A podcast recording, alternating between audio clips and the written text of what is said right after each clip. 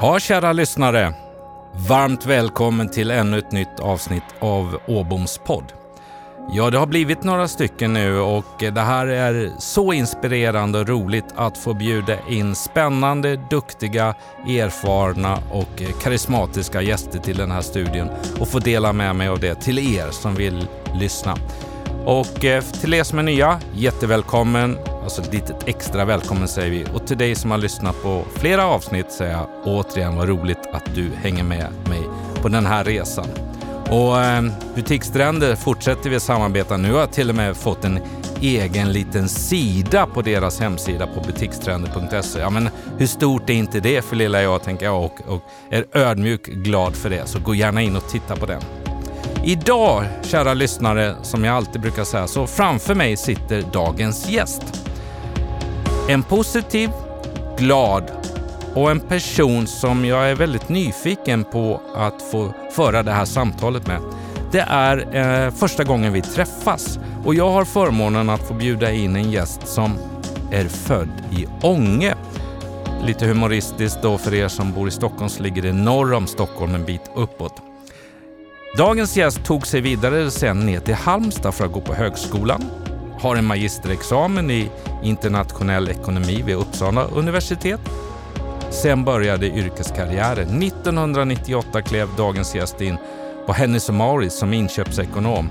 Blev sedermera sortimentschef på Hennes Mauritz i Stockholm och har också varit ansvarig för produktion och vävproduktion från Indien och Sri Lanka övergripande ansvarig för Hennes Mauritz produktion inom Indonesien, då är vi framme vid 2004.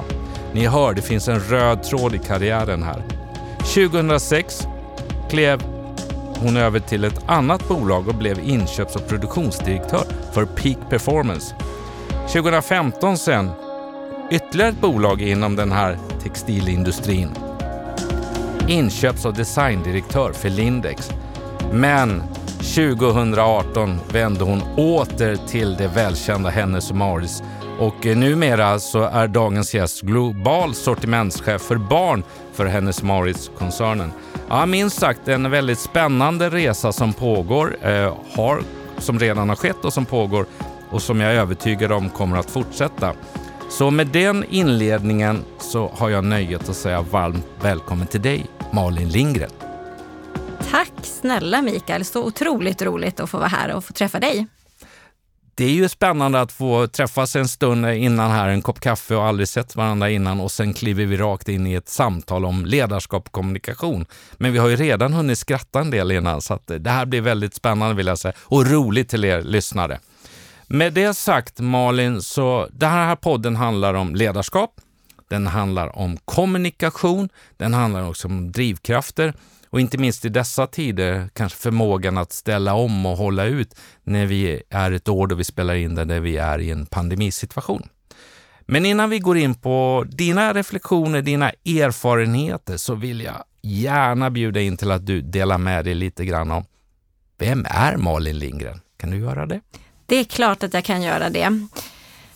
Eh, först och främst så ska jag säga att jag är eh, mamma till eh, våra två barn som är 13 och 10 år gamla. Och sen är jag gift med min man Jon som eh, jag träffade faktiskt när jag var 25 och började på H&M första gången. Så vi har hållit ihop ett bra tag, vi två. Ehm, men förutom det så ska jag säga att jag är en 46-årig Norrlandstjej. Precis som du säger eh, är jag född i Ånge men jag är faktiskt uppväxt i Härnösand. En viktig skillnad kanske. Du, nu blev jag lite så här Härnösand. Min fru är från Härnösand. Du ser. Ja, vi får väl avsluta med det. här sen måste kanske. vi prata mer om. Um, nej, så där är jag uppvuxen med min mamma och pappa och med min storebror. Om jag tänker på det som har påverkat mig under min uppväxt så är det ju såklart många olika saker. Men jag kan säga att en sak som är väldigt tydlig för mig, det är när jag är sex år gammal och mina föräldrar berättar för mig och min storebror att vi ska flytta just från Ånge, som vi tycker är metropolen, till någonting så okänt som Härnösand. Eh, så blev vi, vi båda två, ska jag säga, för, förkrossade eh, och var väldigt ledsna där ett tag. Men samtidigt efter ett tag så förstod jag att jag skulle ta min chans och eh, förfylla en av mina största drömmar. Och det var att börja rida. Okay. Eh, och det här hade jag liksom pratat med mina föräldrar om eh, under några år tidigare. Så väldigt ung så pratade jag om att jag ville börja rida. Mina föräldrar de tyckte att det var det var för farligt och det var för kostsamt och det tog tid och så vidare. Och jag tjatade på men de verkade liksom inte uppmärksamma det, det jag sa. Eh, men i samband med den här flytten, där jag också tror att mina föräldrar hade lite dåligt samvete faktiskt, så, så är det här första gången jag skulle säga att jag eh, fick in det här med förhandlingsteknik. Så sex år gammal så började jag förhandla om att eh, vid den här flytten så ser jag mig själv på en hästrygg och eh, eh argumenterade för min sak. Och till sist så bestämde mina föräldrar att okej, okay, men det är klart att du ska få prova. Eh, men då var det på några villkor nämligen. Eh, och de här villkoren var att jag skulle kunna leda hästen ut själv, jag skulle kunna rida själv, i alla fall efter ett tag, ganska snabbt tag, och jag skulle kunna ta hand om den här hästen själv. Mm. Ehm, och eh, jag tog, antog den här utmaningen. Så från den här flytten så så började jag rida och det var en sak som upptog en stor del av min uppväxt faktiskt. Både ridning, tävling och, och hästar generellt. Eh, så att den här saken, det har, liksom när jag tänker tillbaka så är det faktiskt där som jag tror att mitt intresse och nyfikenhet kring människors drömmar och mål startade. Så tidigt alltså? Så tidigt tror jag faktiskt att det här startade. Eh, och det har jag liksom reflekterat över väldigt mycket under mina år här i, i yrkeslivet. Eh, att vad är det som gör att vissa människor och också såklart företag uppfyller sina mål och vad är det som gör att för andra så, så blir det bara en dröm. Och här tänker jag efter mycket tankeverksamhet att det handlar om egentligen fyra saker. Mm. Och det första som jag tänker, det är att man behöver sätta det här målet eller den här drömmen väldigt tydligt framför sig. Och man behöver liksom måla ut det här i de vackraste av färger. När man har gjort det så handlar det jättemycket om att, att se sig själv i spegeln. Vart är jag i förhållande till den här drömmen eller det här målet? Och sen det tredje handlar ju om att du behöver då försöka sätta en så konkret men så enkel plan som möjligt för att du ska kunna komma närmare det du drömmer eller det du har som målbild. Och sen det sista så handlar det om en stor dos av envishet och liksom aldrig ge upp. Eh, för den här planen du har satt, det kommer liksom inte vara den spikraka vägen mot ditt mål, utan det kommer regna, det kommer snöa, det kommer vindar som blåser. Och ju bättre du har målat upp det här målet i, i de här vackra färgerna, desto mer kommer det betyda att du faktiskt inte kommer ge upp. Så det här har jag eh, egentligen grundat mitt ledarskap och min filosofi runt omkring. Fantastiskt, vad spännande. Eh, det måste jag säga, du har ju verkligen en...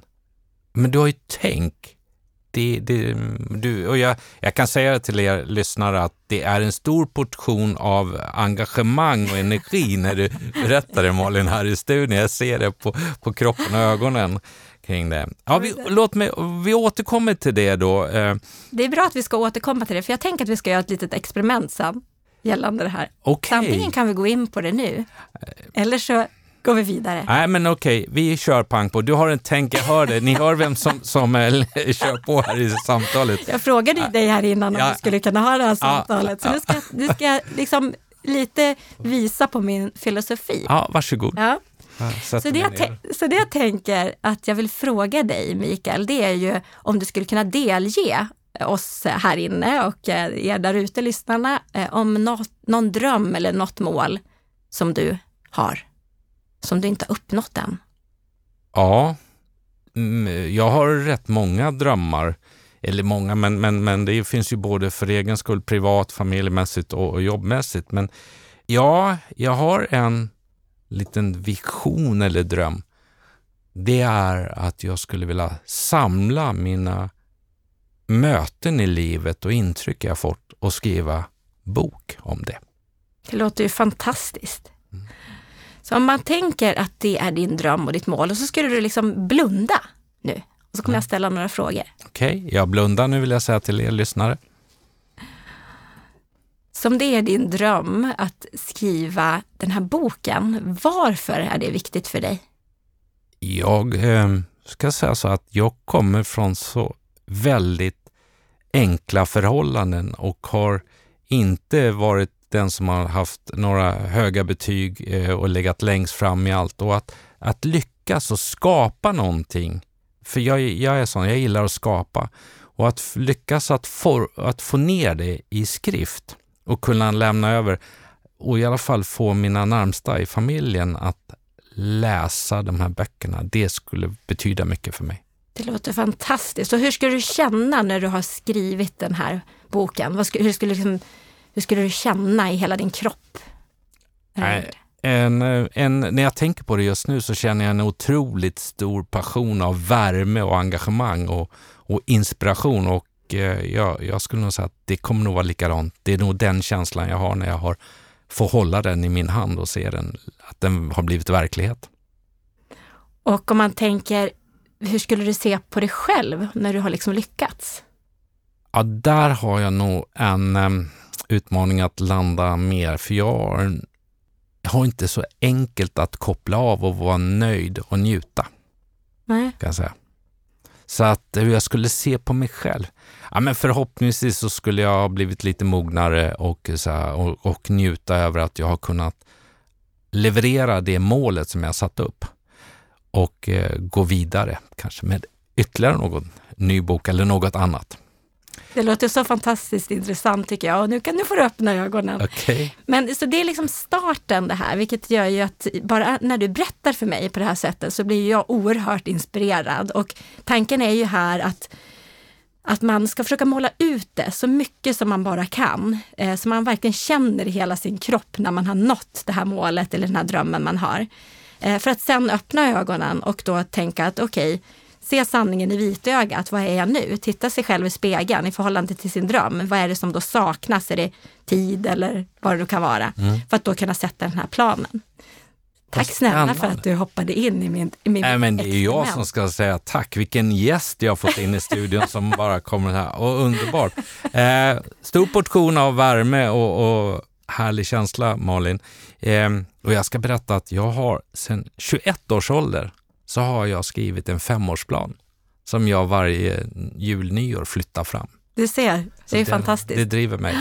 Eh, och det har varit min drivkraft att komma dit jag är idag. Jag är inne på mitt fjärde vd-uppdrag och, och, eh, just nu, vi jobb, jag jobbar jättemycket just nu det händer, och folk frågar mig, men hur orkar du? Och min assistent Karina som är fantastisk, men du, det är alltid positivt. Ja, men jag är, jag är tacksam över livet kring det. Men jag, jag tror också just att när man sätter den här drömmen och man tittar sig själv i spegeln och sen börjar sätta den här planen så är det ju också så att varje steg, varje litet steg mot det här målet ska man också firas som en stor framgång. Det tror jag också är jätteviktigt. Eh, både för sig själv och den verksamhet man är i. Eh, så det behöver inte vara de här stora sakerna som man gör att man firar, utan liksom försöka få in det här känslan i att man kliver framåt mot det man eh, eftersträvar. Det tror jag jättemycket på. Nu blir jag ju väldigt nyfiken då på dig med denna otroligt eh, härliga inledning på Åboms podd. Alltså du själv då som ledare, inledningsvis berättade jag om de olika rollerna, titlarna och så vidare mm. du har gjort. Uh, och jag, jag, misstänker att du har varit väldigt mycket ute och rest i världen, visst är det så? Så är det. Kan du inte kort bara berätta om det också, får vi ytterligare en bild av dig Malin? Precis, men min bransch handlar ju mycket om resande och möte med, med andra människor och möten med våra kunder. Eh, så det har ju varit en stor del av hela min yrkeskarriär, att, att resa. Och eh, det är allt ifrån att man eh, reser till länder som ger en inspiration, där man egentligen ser på människor på gatan och blir inspirerad över vad de har på sig. Det är ett sätt. Ehm, men också att eh, såklart resa till, till länder där vi har stor verksamhet för att möta kunder och eh, eh, andra personer som jobbar med försäljning i våra verksamhet till exempel. Så att en stor del har jag varit på resande fot. Och sen har jag också haft förmånen att jobba utomlands. Så som du också nämnde så, så har jag varit verksam då i, i Asien under några år. Och det är ju jättespännande om vi pratar ledarskap. Ja, det är hur, hur skulle du säga skillnaden på ledarskapet är här i, i Sverige eh, kontra när du är borta i Asien?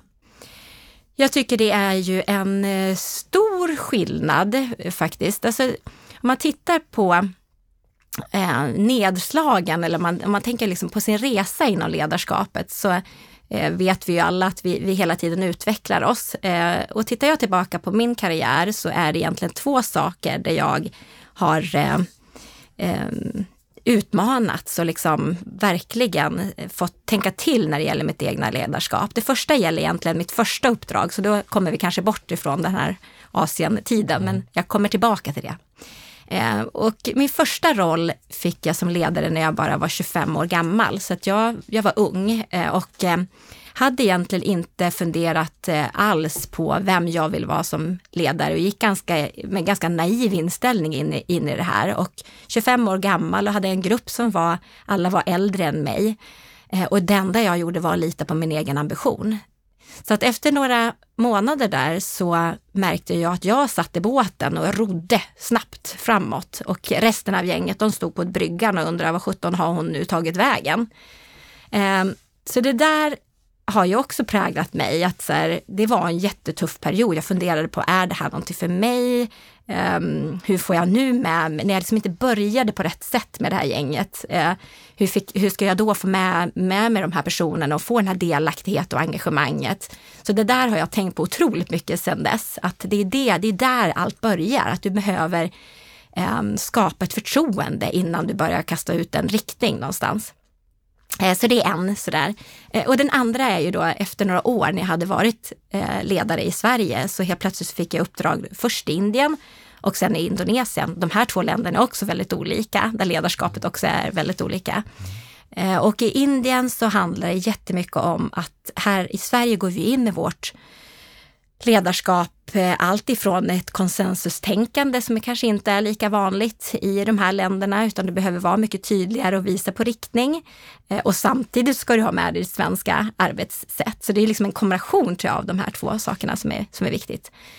Och sen är det också Eh, mycket mer uppföljning som krävs. Eh, för att i Sverige så sätter vi ju tillsammans upp eh, ramarna och riktlinjerna och sen så har du stort förtroende för att saker och ting händer. Du följer inte upp så mycket. Men en sån där anekdot när jag hade startat i, i Indien var också så att det är fantastiska medarbetare. Vi hade en sån här kreativ workshop där vi hade haft en del problematik med våran eh, Eh, med eh, några produkter och så skulle vi sitta och titta på hur ska vi liksom lösa det här och hur ska vi undvika det framöver. Och alla var så engagerade i den här diskussionen och så satte vi upp liksom, okej okay, det är den här listan eller den här action vi ska göra framåt.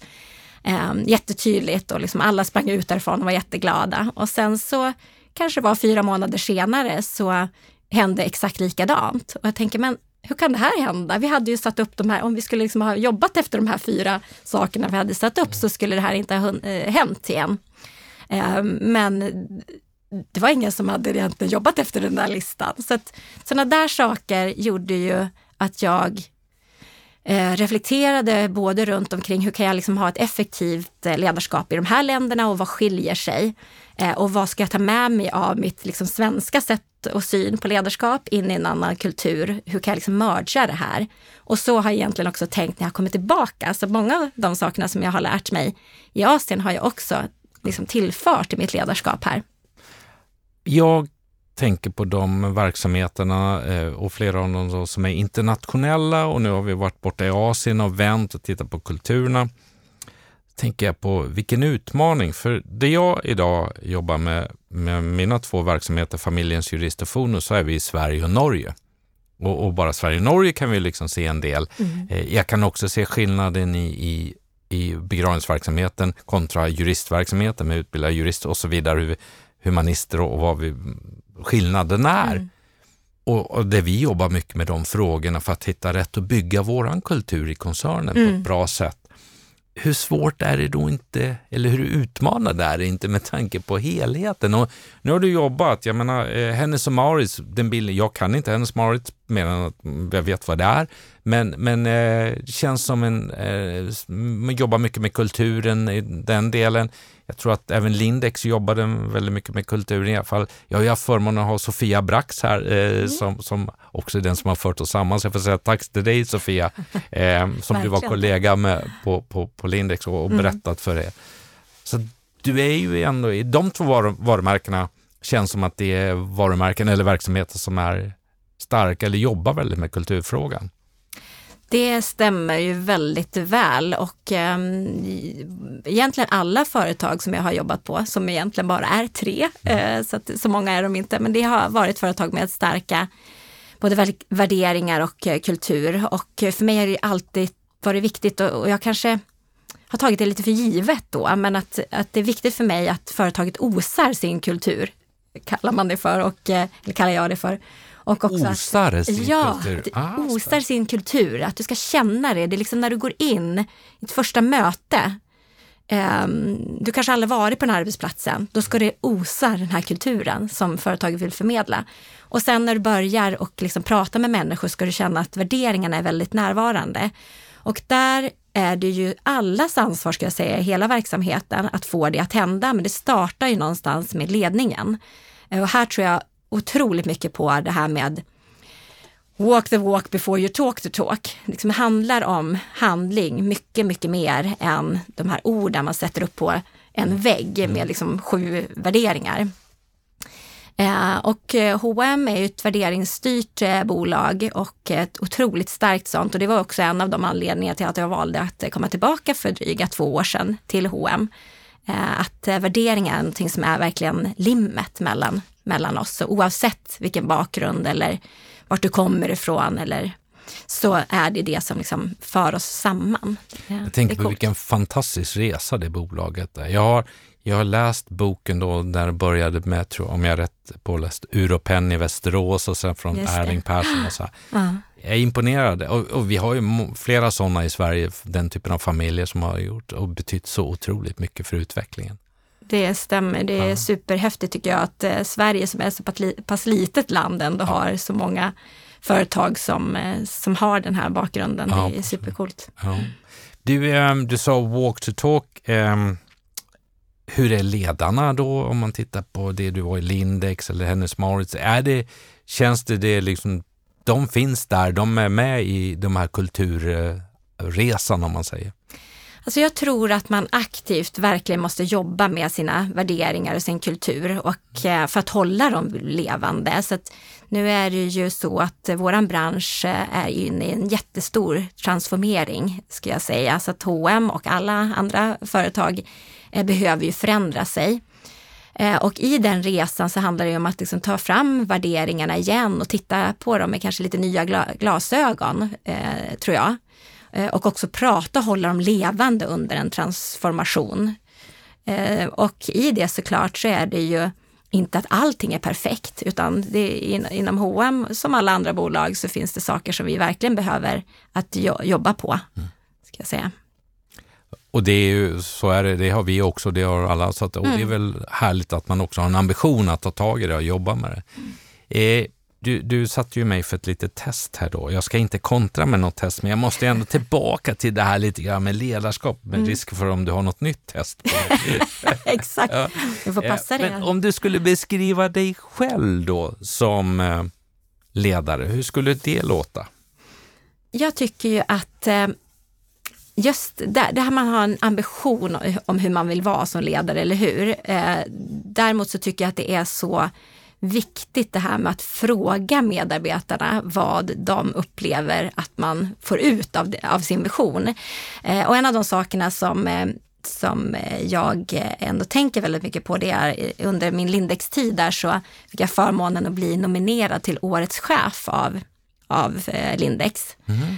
Ehm, så det var jätte, ja, jättespännande och såklart blev otroligt stolt. Och det jag fick göra sen det var att läsa nomineringen som var egentligen en sammanställning av, av ord från ett flertal medarbetare. Och den här meningen har, har jag liksom fastnat för, för att jag också känner att det är väldigt mycket så som jag vill upplevas. Och den övergripande meningen löd, löd så här, att eh, det här är en inspirerande ledare som ifrågasätter status quo och fokuserar på mål som verkligen gör skillnad. Det säger ganska mycket tror jag om mig som person och ledare. Vad spännande. Och går man in eh, och tittar på din profil på LinkedIn, då har du skrivit, då står det så här som en rubrik. Vision och målstyrd ledare med fokus på kundaffärer. På något sätt så får jag, börjar jag få en bild av stor portion av, av, av eh, engagemang och tillgänglighet och, och kring medarbetarna, men också en riktigt driven person kring att skapa affärsnytta och, och med ett kundfokus. Jag liksom ser att stämmer det? Det stämmer väldigt eh, väl. Eh, så att eh, fokuset på att göra skillnad verkligen för kunden, det är ju den, en av mina största ska jag säga, drivkrafter. Eh, och eh, i det så kommer ju också mycket, eh, har jag liksom, en, en drivkraft som jag har är min otålighet. Eh, och min otålighet, det kan vara min allra bästa vän, men det kan också vara min allra värsta fiende. Kan du utveckla det lite? Det är ju superbra att vara otålig eh, när man fokuserar på rätt saker och eh, när man är inne i ett, i ett flow av att liksom, alla är med på samma, samma resa. Eh, så. Eh, man får saker och ting gjort. Sen så kan det leda till att det, alltså det gäller att balansera det här för också otåligheten kan leda till en frustration eh, när det inte går riktigt eh, så fort som man vill.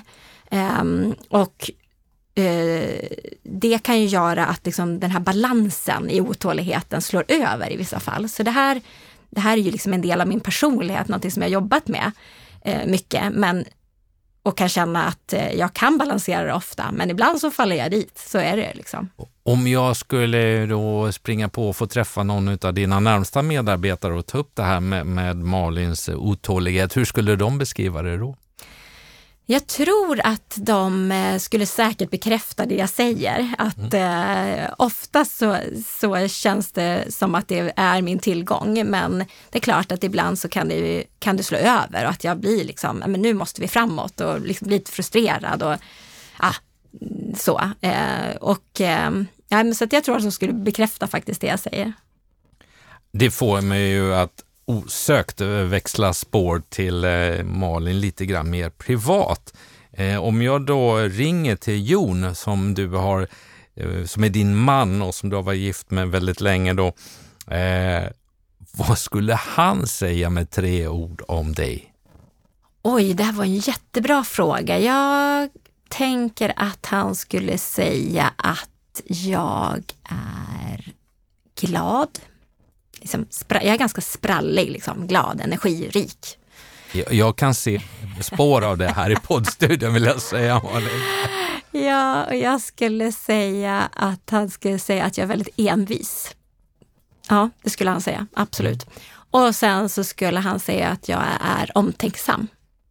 Fint. Mm. Ja, men eh, just den här omtänksamheten och just så här, var man hittar sin, sin kraft någonstans. För mig är det ju så att liksom gränserna mellan arbete och intresse suddas ut. Jag blir lätt liksom engagerad och går upp i mitt jobb mycket.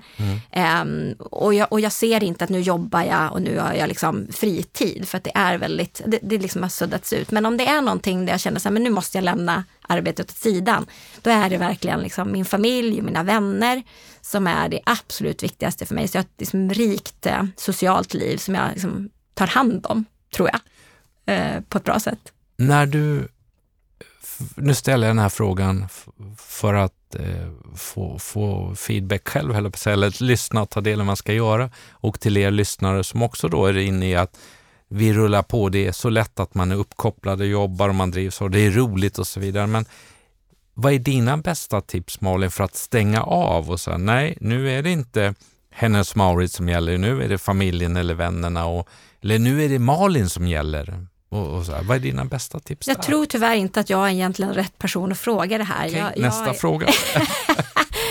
Nej, men det jag försöker att göra, alltså det, det, det är ju att liksom lägga undan telefonen och aktivt göra eh, andra saker. Men det här är någonting som jag egentligen själv också behöver bli mycket bättre på. Så att, eh, jag behöver ta råd av alla er som sitter där ute, eller dig tror jag, i den här frågan. Ja, det är inte... Det som har varit min räddning, Malin, ska säga Mm. att jag har en förmåga att eh, stänga av när jag bestämmer mig.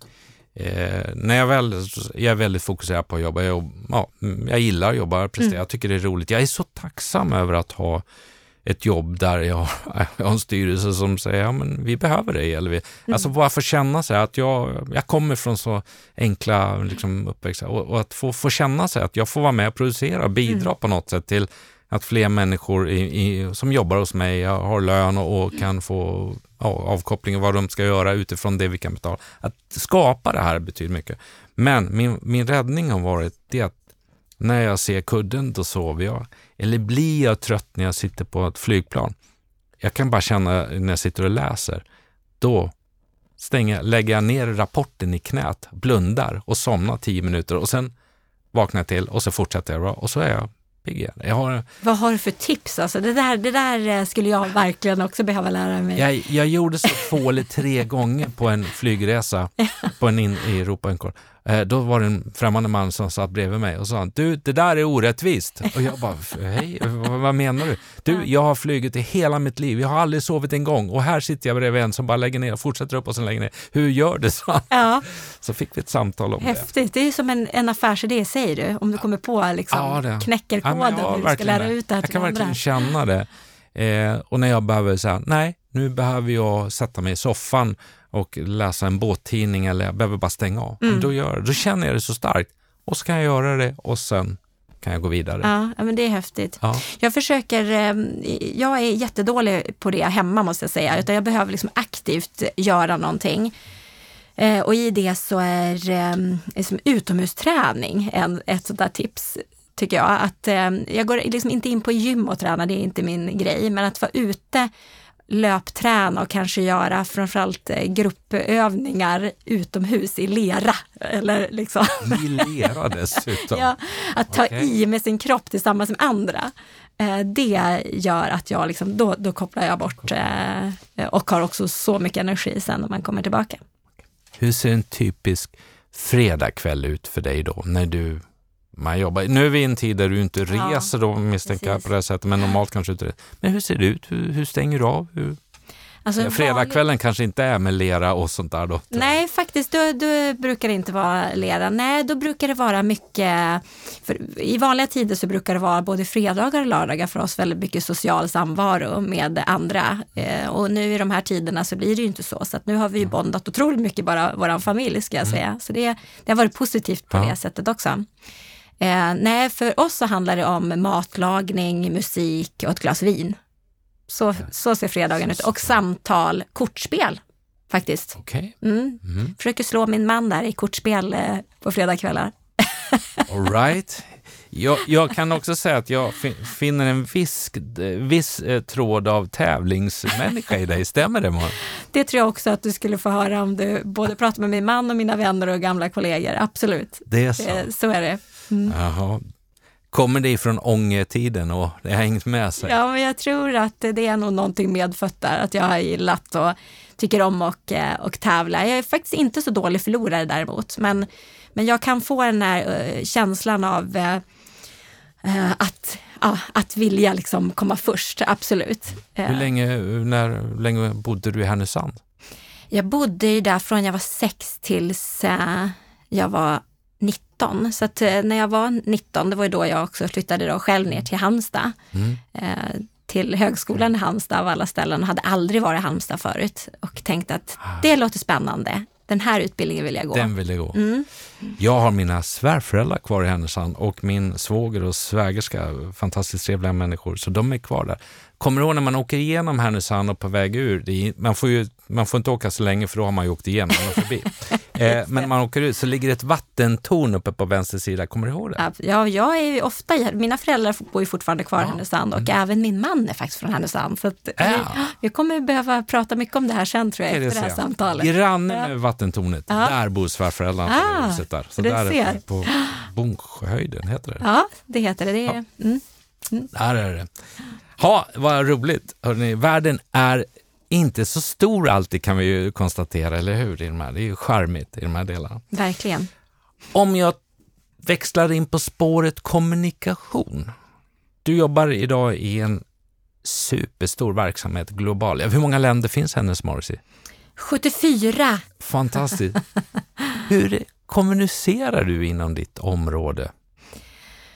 Ja, ja, berätta lite om kommunikation och hur du tänker på det allmänt utan att jag åker på något nytt test. Nej, men nu, jag lovar, jag ska inte testa det mer. Nej, jag tänker att kommunikation är ju en av de viktigaste sakerna inom ledarskapet och för att kommunicera så behöver du också vara närvarande.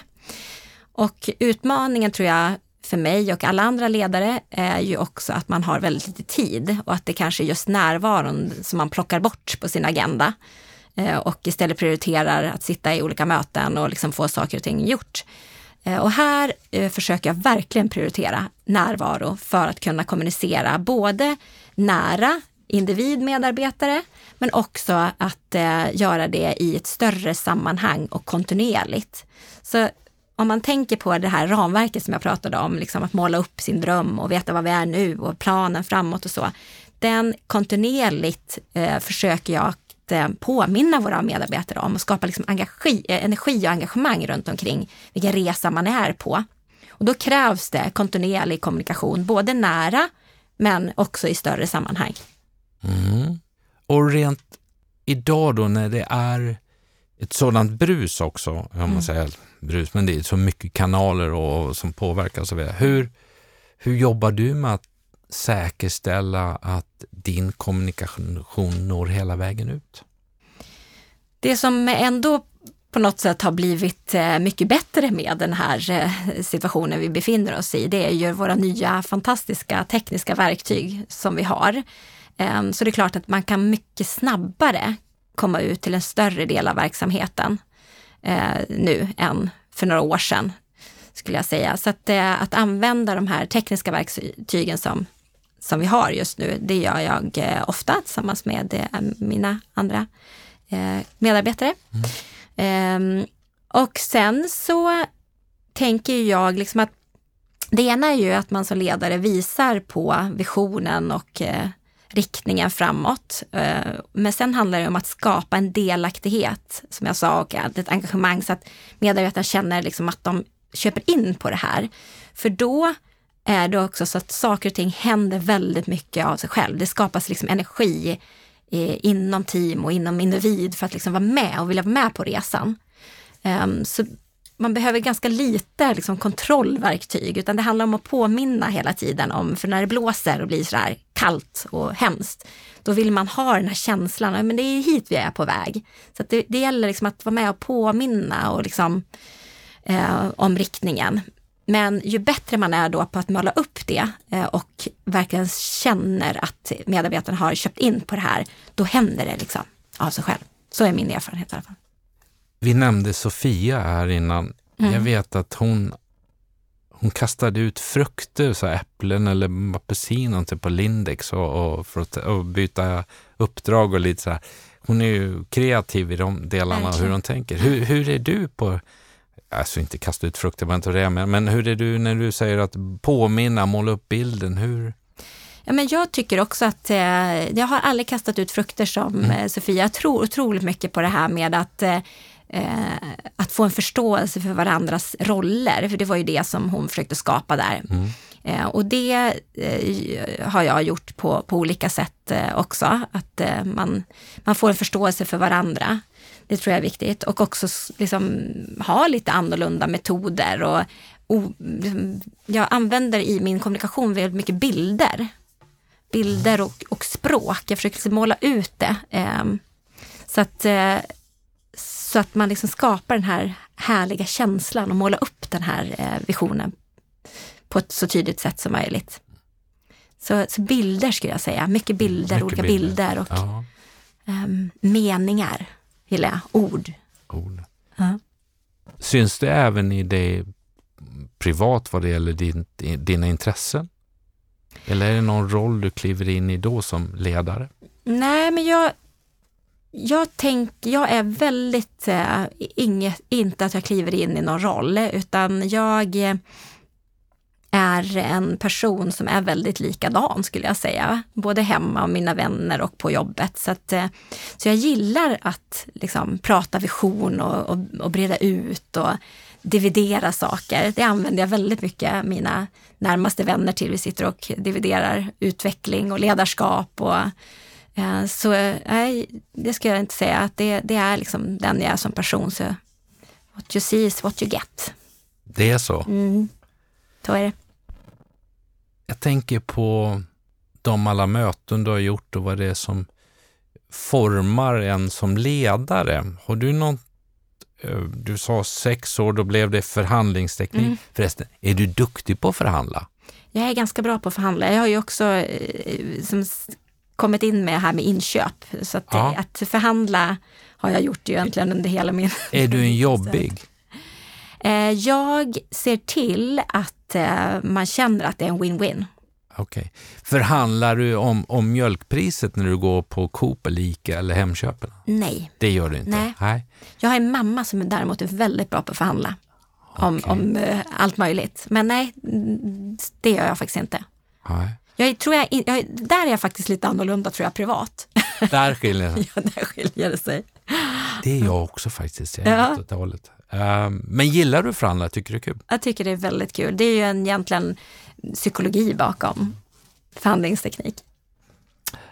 Mycket så. Mm. Jag, jag har jobbat och är god vän med en, eh, en kompis som heter Göran kan vi säga. När vi, när vi träffade leverantörer och förhandlade, när han förhandlade, då, då var det faktiskt så att jag tyckte det var pinsamt, skämmigt. Han, han var extremt vass eh, på det, troligtvis fortfarande i, i sitt liv just nu. Men åh, jag bara, mm, okej, okay, men nu backar vi lite grann. Men, eh, ja, det är härligt med den drivkraften hos vissa, helt klart. Ja, det är det verkligen. Ja, eh, men en del av mina lyssnare, och jag är så glad för det, är, och är också de, det är inte bara eh, min närmsta ledning och, och familj som jag tvingar lyssna nästan på det utan det är andra. Och, och en del av de här är ju på väg i en resa i livet, eh, har inte samma fina eh, meriter och karriär som du har då skapat på dig, men är på väg att ta de här stegen. Vad ser du att vi som, om man nu får använda uttrycket, lite seniorare, ska dela med oss av till dem? Jag tycker det är en sån eh, bra fråga. Det, det handlar ju om, jag, jag funderar jättemycket på det här, både att ge med sig av sina erfarenheter och sen så vad de yngre har mycket att ge oss. Eller hur? Att mm. Eh, det går ju så otroligt snabbt nu i eh, olika typer av trender och sådär. Så man känner ju sig själv lite old fashion. Så om det är någon där ute som vill ge mig lite tips så får ni jättegärna höra av er till mig sen. Eh, men om man skulle Tillbaka till din fråga då, så han, tror jag att det handlar jättemycket om att vara sig själv, att man börjar där. Eh, lite det där saker som jag gjorde då när jag fick mitt första ledarskapsuppdrag, så att att både inte kanske ens reflektera över vem man vill vara, men sen att försöka då att kanske klä in sig i någon annan. Det funkar aldrig, utan var dig själv, ta din erfarenhet och liksom teorier och mangla ihop dem och sen så blir det ditt fantastiska jag. så det, det är liksom det första som jag tänker på. Och sen så tänker jag också på att, eh, att man behöver ha den här passionen genuint för det man ska göra. Det, det tror jag verkligen på för att när det då blåser eller snöar och när det blir jobbigt, då behöver man liksom känna att det man gör verkligen gör en skillnad och man brinner för det man håller på med. Och sen så tänker jag också att man måste att försöka vara modig. Liksom. Det här med att misslyckas, det är inte farligt, utan jag tänker att bakom varje misslyckande så någonstans så står ett modigt beslut och också chansen att lära så att eh, jag tror att man måste vara, och det är ju den yngre generationen fantastiskt bra på, eh, att, att våga vara modig. Mm. Eller hur? Ja, det är de. Eh, och sen så tänker jag också att, att man ska vara lite snäll mot sig själv. Det är också någonting som jag tänker mycket på, att det är lätt att som ledare, när det kanske inte går bra, att man gör en stor självrannsakan och att det kan kännas tufft och att man inte har gjort bra nog och sådär. Men här tror jag på att man måste vara snäll mot sig själv. Vi hade ett ledarskapsprogram och i den så satt vi eh, blev indelade sen under en punkt 2 eh, 2 för att diskutera och ge feedback eller så här. Och eh, det är klart, vem vill sitta med koncernchefen liksom av en fem, grupp av 50 pers och berätta blotta? Så ja. Men det var en eh, modig eh, ledare som sa, ja, men jag tar gärna. och det fick jag göra. Och där frågade jag någonting, så sa den personen sa att du har aldrig funderat på att, för det hakar på det, snäll mot dig själv, du har aldrig funderat på att njuta lite grann mer av det mm. du gör. Det blev en sån här liten väckarklocka till mig. Att, att det är, för det är på samma sätt, var lite snäll mot dig själv. Mm. Liksom du, det händer saker, det utvecklas och tar med dig det, men njut och gå vidare på något Precis. sätt. Precis, ja, jag tror att det är jätteviktigt. Mm. I rollen idag som ledare så ställs vi inför eh, väldigt många beslut. Varje dag på något sätt ska vi göra. Det kommer frågor både i möten och mejlform och så vidare. Men om vi ska, bortsett från besluten, ändå titta på ansvaret vi har så skulle jag vilja se vad, hur tänker du på, jag har skrivit upp några saker här som hållbarhetsfrågor, mångfald, jämställdhet, samhällsengagemang. Var, var är du i ditt tänk där? Och jag tänker inte på hållbarhetsfrågor utifrån att du kommer från textilindustrin, utan mer liksom totalt mm. sett vad, vad vi är i, som ledare. Mm. Jag tror att det är otroligt eh, eh, viktigt och eh, viktigt att man eh, eller viktigt, både viktigt att man har det på sin agenda men också känner att mm, om man spelar det så kommer det liksom också synas. Så att det här måste ju komma liksom inifrån och för mig har det alltid varit eh, jätteviktigt att eh, jobba med ett högre syfte. Ehm, så både egentligen i hållbarhetsfrågan, att oavsett vilket företag jag har jobbat på, om inte det finns en hållbarhetsagenda som är verkligen förankrad i verksamheten, eh, så eh, så är det liksom ingenting för mig. Så att, eh, det är otroligt viktigt att också vi som ledare tar ansvar i det här. Det, det är igen, alltså för den yngre generationen så är det här så självklart. Så att, så att det är ju egentligen både vad ska jag säga, en sak som man måste fundera över för att som säkra sin egen framtid, ska jag säga. Alltså företag som inte överhuvudtaget har de här frågorna på agendan, de kommer liksom inte finnas kvar. Det kommer gå ganska snabbt tror jag. Så att, eh, men det måste ju finnas en vilja. Det kan inte vara så lite som jag berättade om, om värderingen eller kulturen, att man har liksom en, en jämställdhetsfilosofi eller mångfaldfilosofi på en vägg utan att det syns. Det, det tror jag inte på. Det måste liksom vara integrerat i verksamheten. Mm. Så otroligt viktiga, viktiga frågor. Mångfaldsfrågan är ju en sån här superviktig fråga och det handlar ju inte Alltså det handlar ju verkligen om att vi vet att med mångfald så, så får du ett bättre resultat. Mm. Uh, så att, att inte fler jobbar med den frågan, det är för mig lite konstigt. Mm. Kultur, värderingar. Mm. Eh, det måste osa sin kultur, ska det göra. Eh, men du sa också att man måste jobba aktivt med sina värderingar. Kan du ge något tips på hur du jobbar med aktivt med de värderingarna ni har?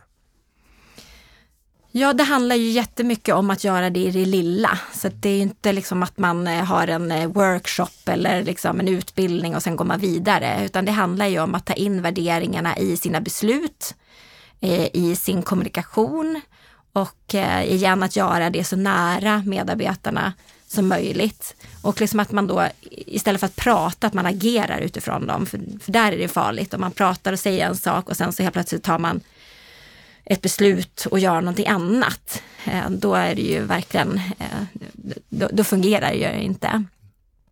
Så att eh, konkret är ju, och, och, jag menar nu är det ju också sådana tider där vi eh, inte ses. Så här har vi haft mycket diskussion, min, eh, min verksamhet och min organisation som jag ansvarar för de senaste veckorna. Att då trodde vi att vi kanske var på väg att få träffas lite igen och, och personligen så tycker jag ju att det här är jättejobbigt. Jag älskar att leda genom fysiskt möte.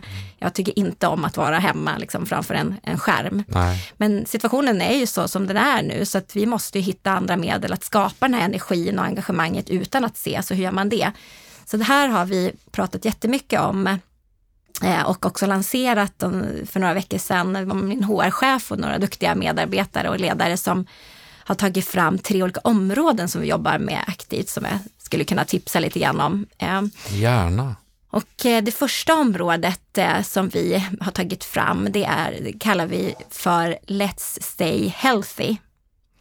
Eh, för att när vi nu sitter hemma så är det väldigt lätt att man sitter framför sin skärm, man går till köket eller kanske toaletten och sen går man tillbaka igen. Mm. Och man rör väldigt lite på sig. Så, och man kanske till och med inte ens går ut under dagen. Så att här vet vi att promenader och vara ute också frigör kreativitet, så det är otroligt viktigt. Eh, så här uppmanar vi oss själva och våra medarbetare att ta det här mötet, vi, liksom, ta en walk and talk, gå ut och rör på dig. Liksom. Det kommer att eh, göra skillnad. Och sen vi lanserade det här så har också det här liksom spridit sig väldigt mycket i, i organisationen nu. Så nu har vi team som utmanar varandra i walking competitions utan att vi har egentligen satt det, att det var det som var målet. Mm. Um, och igår så var det jättehärligt, en, en av eh, ledarna berättade att eh, hennes team hade nu också krokat arm med sina kollegor på andra sidan jordklotet i Kina. Så nu kommer de att gå från Sverige och eh, andra teamet från Kina och så kommer de mötas på mitten. Det där tycker jag är ju jättehäftigt. Det gör ju att det verkligen blir någonting som blir levande. Blir levande, ja. ja kan... Så det är det ena området. Det andra mm. området, eh, när vi pratar så säger vi Let's inspire each other. Eh, för hur kan vi få in inspirationen i vårt arbete nu när vi inte ses? Eh, när vi som sagt får energi från varandra och man kan liksom tipsa och dela grejer när man ses face to face. Så här är också en uppmaning att vi ska dela allt ifrån poddtips till Eh, kanske den senaste serien vi har tittat på. Jag eller... vet vilken podd du ska tipsa. Ska jag ska direkt ut och dela den här podden. Ja, tack, förlåt. Eh, förlåt. ja. och, men kanske också det här senaste receptet. Vi lagar ju väldigt mycket mat nu, eller hur? Ja. Eh, så att det här senaste receptet, det börjar bli liksom lite, man har liksom inte riktigt den här inspirationen att komma på själv. Så att här försöker vi dela då. Eh, så ni gör en egen kokbok? Eller? Ja, men det kanske blir det till slut. Det finns ingen plan riktigt bakom det här, men det kanske kan bli lite som din tanke med boken. Att ja. så här, Eh, och sen det sista, så, eh, och absolut inte, eh, vad ska jag säga, det, verkligen det viktigaste kanske, det är let's take care of each other. Eh, och i det här fallet nu så har vi ju eh, vi har medarbetare från många olika länder som sitter här i Sverige nu som eh, också kan vara unga och inte ha sin familj på plats och möts av ensamhet hemma. Så här vill vi liksom uppmana till att vi ska varje vecka skicka sms eller en teamlänk eller meddelande till varandra och berätta för personen eller för teamet det fantastiska man har gjort under veckan eller hur man är som person eller sådär.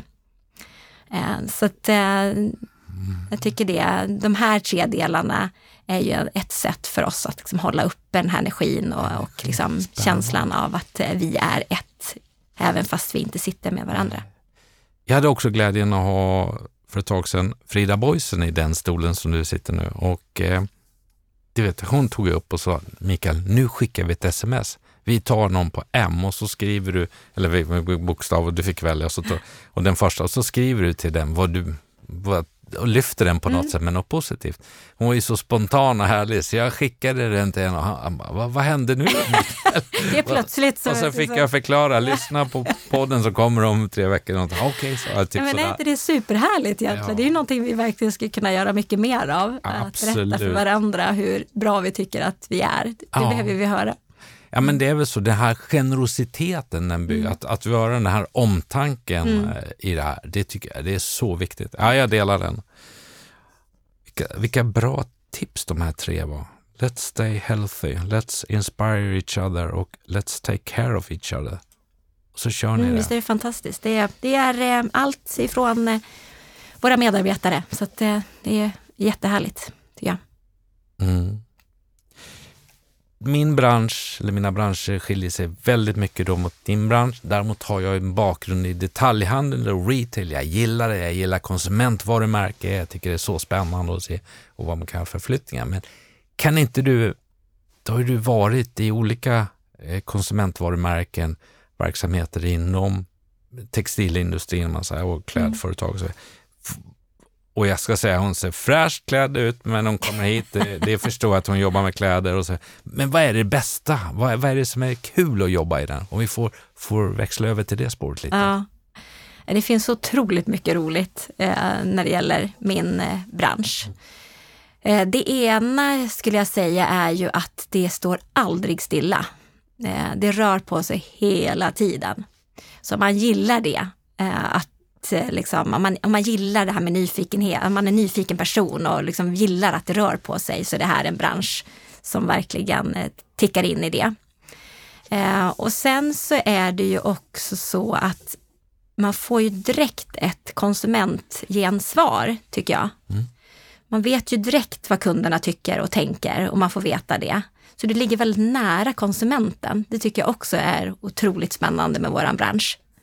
Eh, så liksom cykeln, tidscykeln är väldigt eh, kort. Och sen så såklart, gillar man kläder så är det ju roligt. Det är ju, har ju, om man tänker utifrån ett eh, också ett perspektiv eh, hur många människor och från olika ställen vi är, så är det ju många som är kreativa i den här branschen. Som har otroligt starka och fantastiska idéer som man hela tiden möts av. Så att, eh, det finns många, skulle kunna sitta här tror jag en hel podd och bara berätta om branschen, men, men eh, det är jätte, otroligt spännande och eh, tycker jag eh, rolig bransch att vara i. Vad har du för egen stil och kläd? Vilken bra fråga! Eh, jag tror att jag var, när jag började min karriär kan jag säga kanske lite mer ombytlig. Mm. Nu så försöker jag att inte kanske ändra stil så mycket. Det kanske beror på åldern också, jag vet inte. Um, så jag, jag, jag, vet inte om jag ens kan liksom förklara min stil. Nej, kan du? Där är lite, ja, men det där är en trendig liten uh, snygg klänning, det måste jag säga. Ja. Uh, helt klart. I svart, uh, vitt och grått. Ja. Kring med det.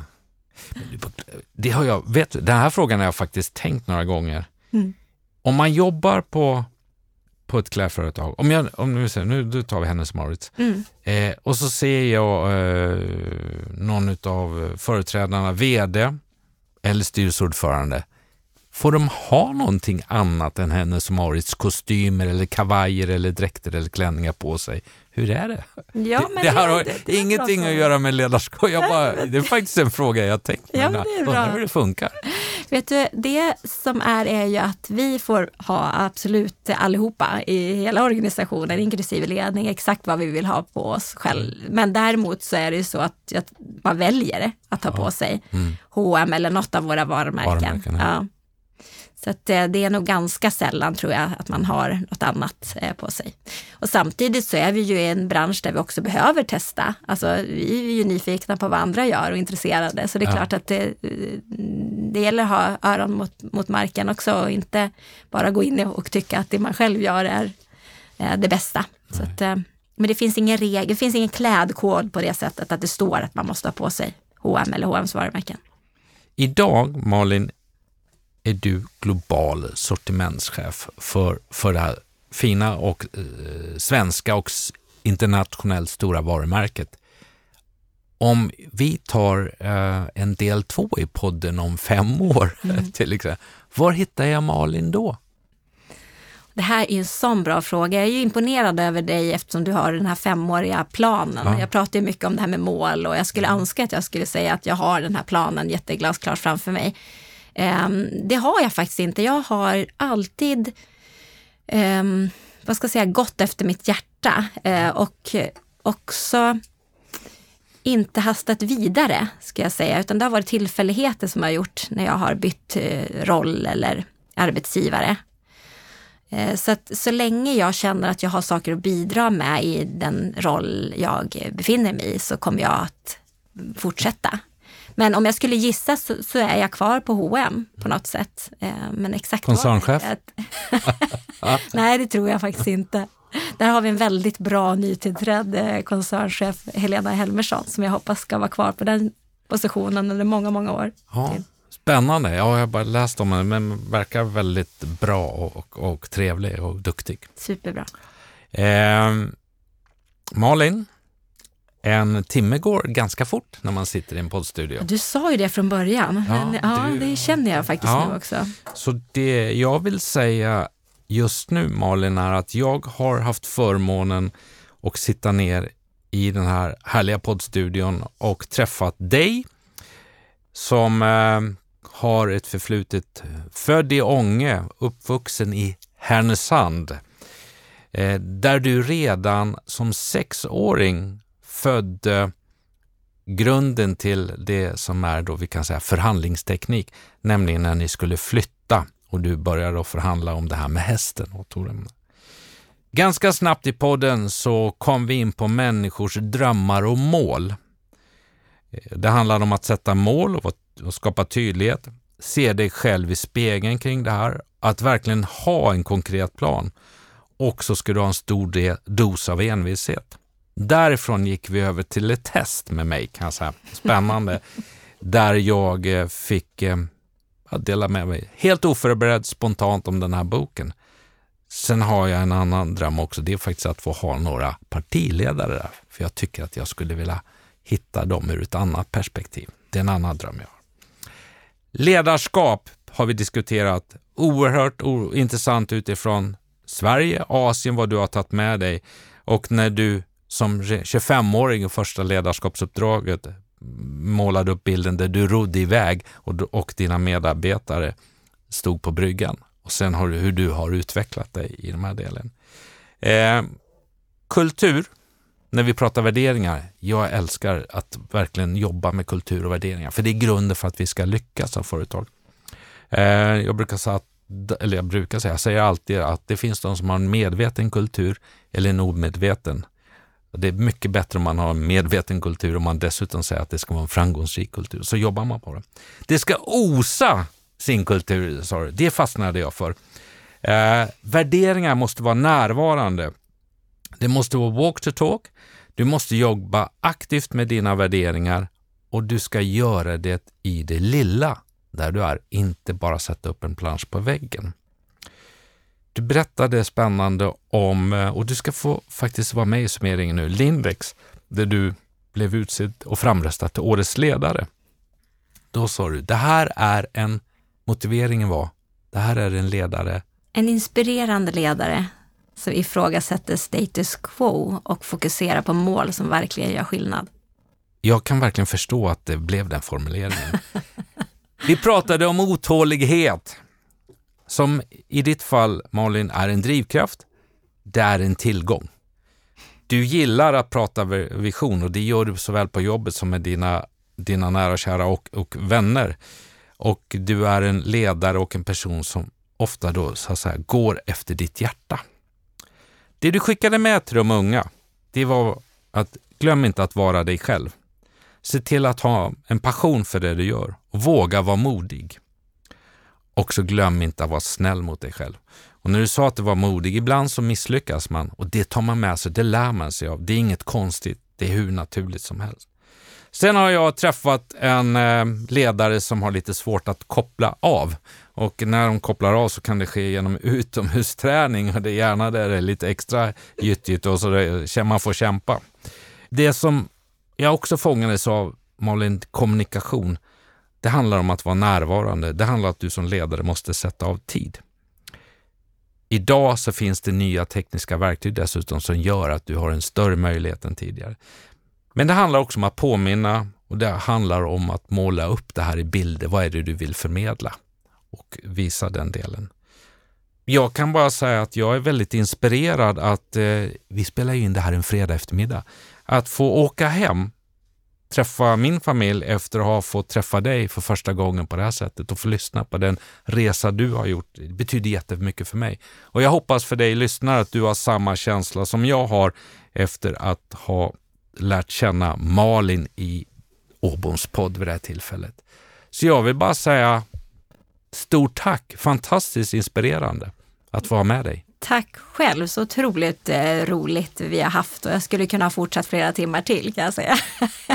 Vi kanske får ta en del två sen då? Det får vi göra. Ja. Tack snälla för att, eh, för att jag fick komma. Ja, men tack själv och jag önskar dig allt gott med eh, naturligtvis det du gör i jobbet med din familj och det, inte minst dig själv och, och, det här, och att koppla av då och eh, ta nästa steg i resan vidare. Väldigt spännande. Det ska bli roligt att få följa nu när vi har kopplat upp på LinkedIn och lite annat. Så här. Precis.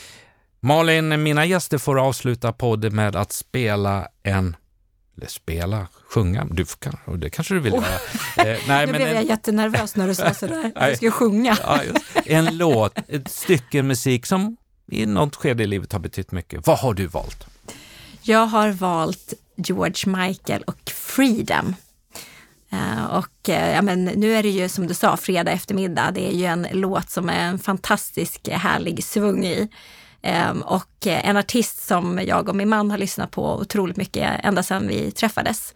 Och sen är det här budskapet så fantastiskt tycker jag. Så det vill jag lämna med mig i slut.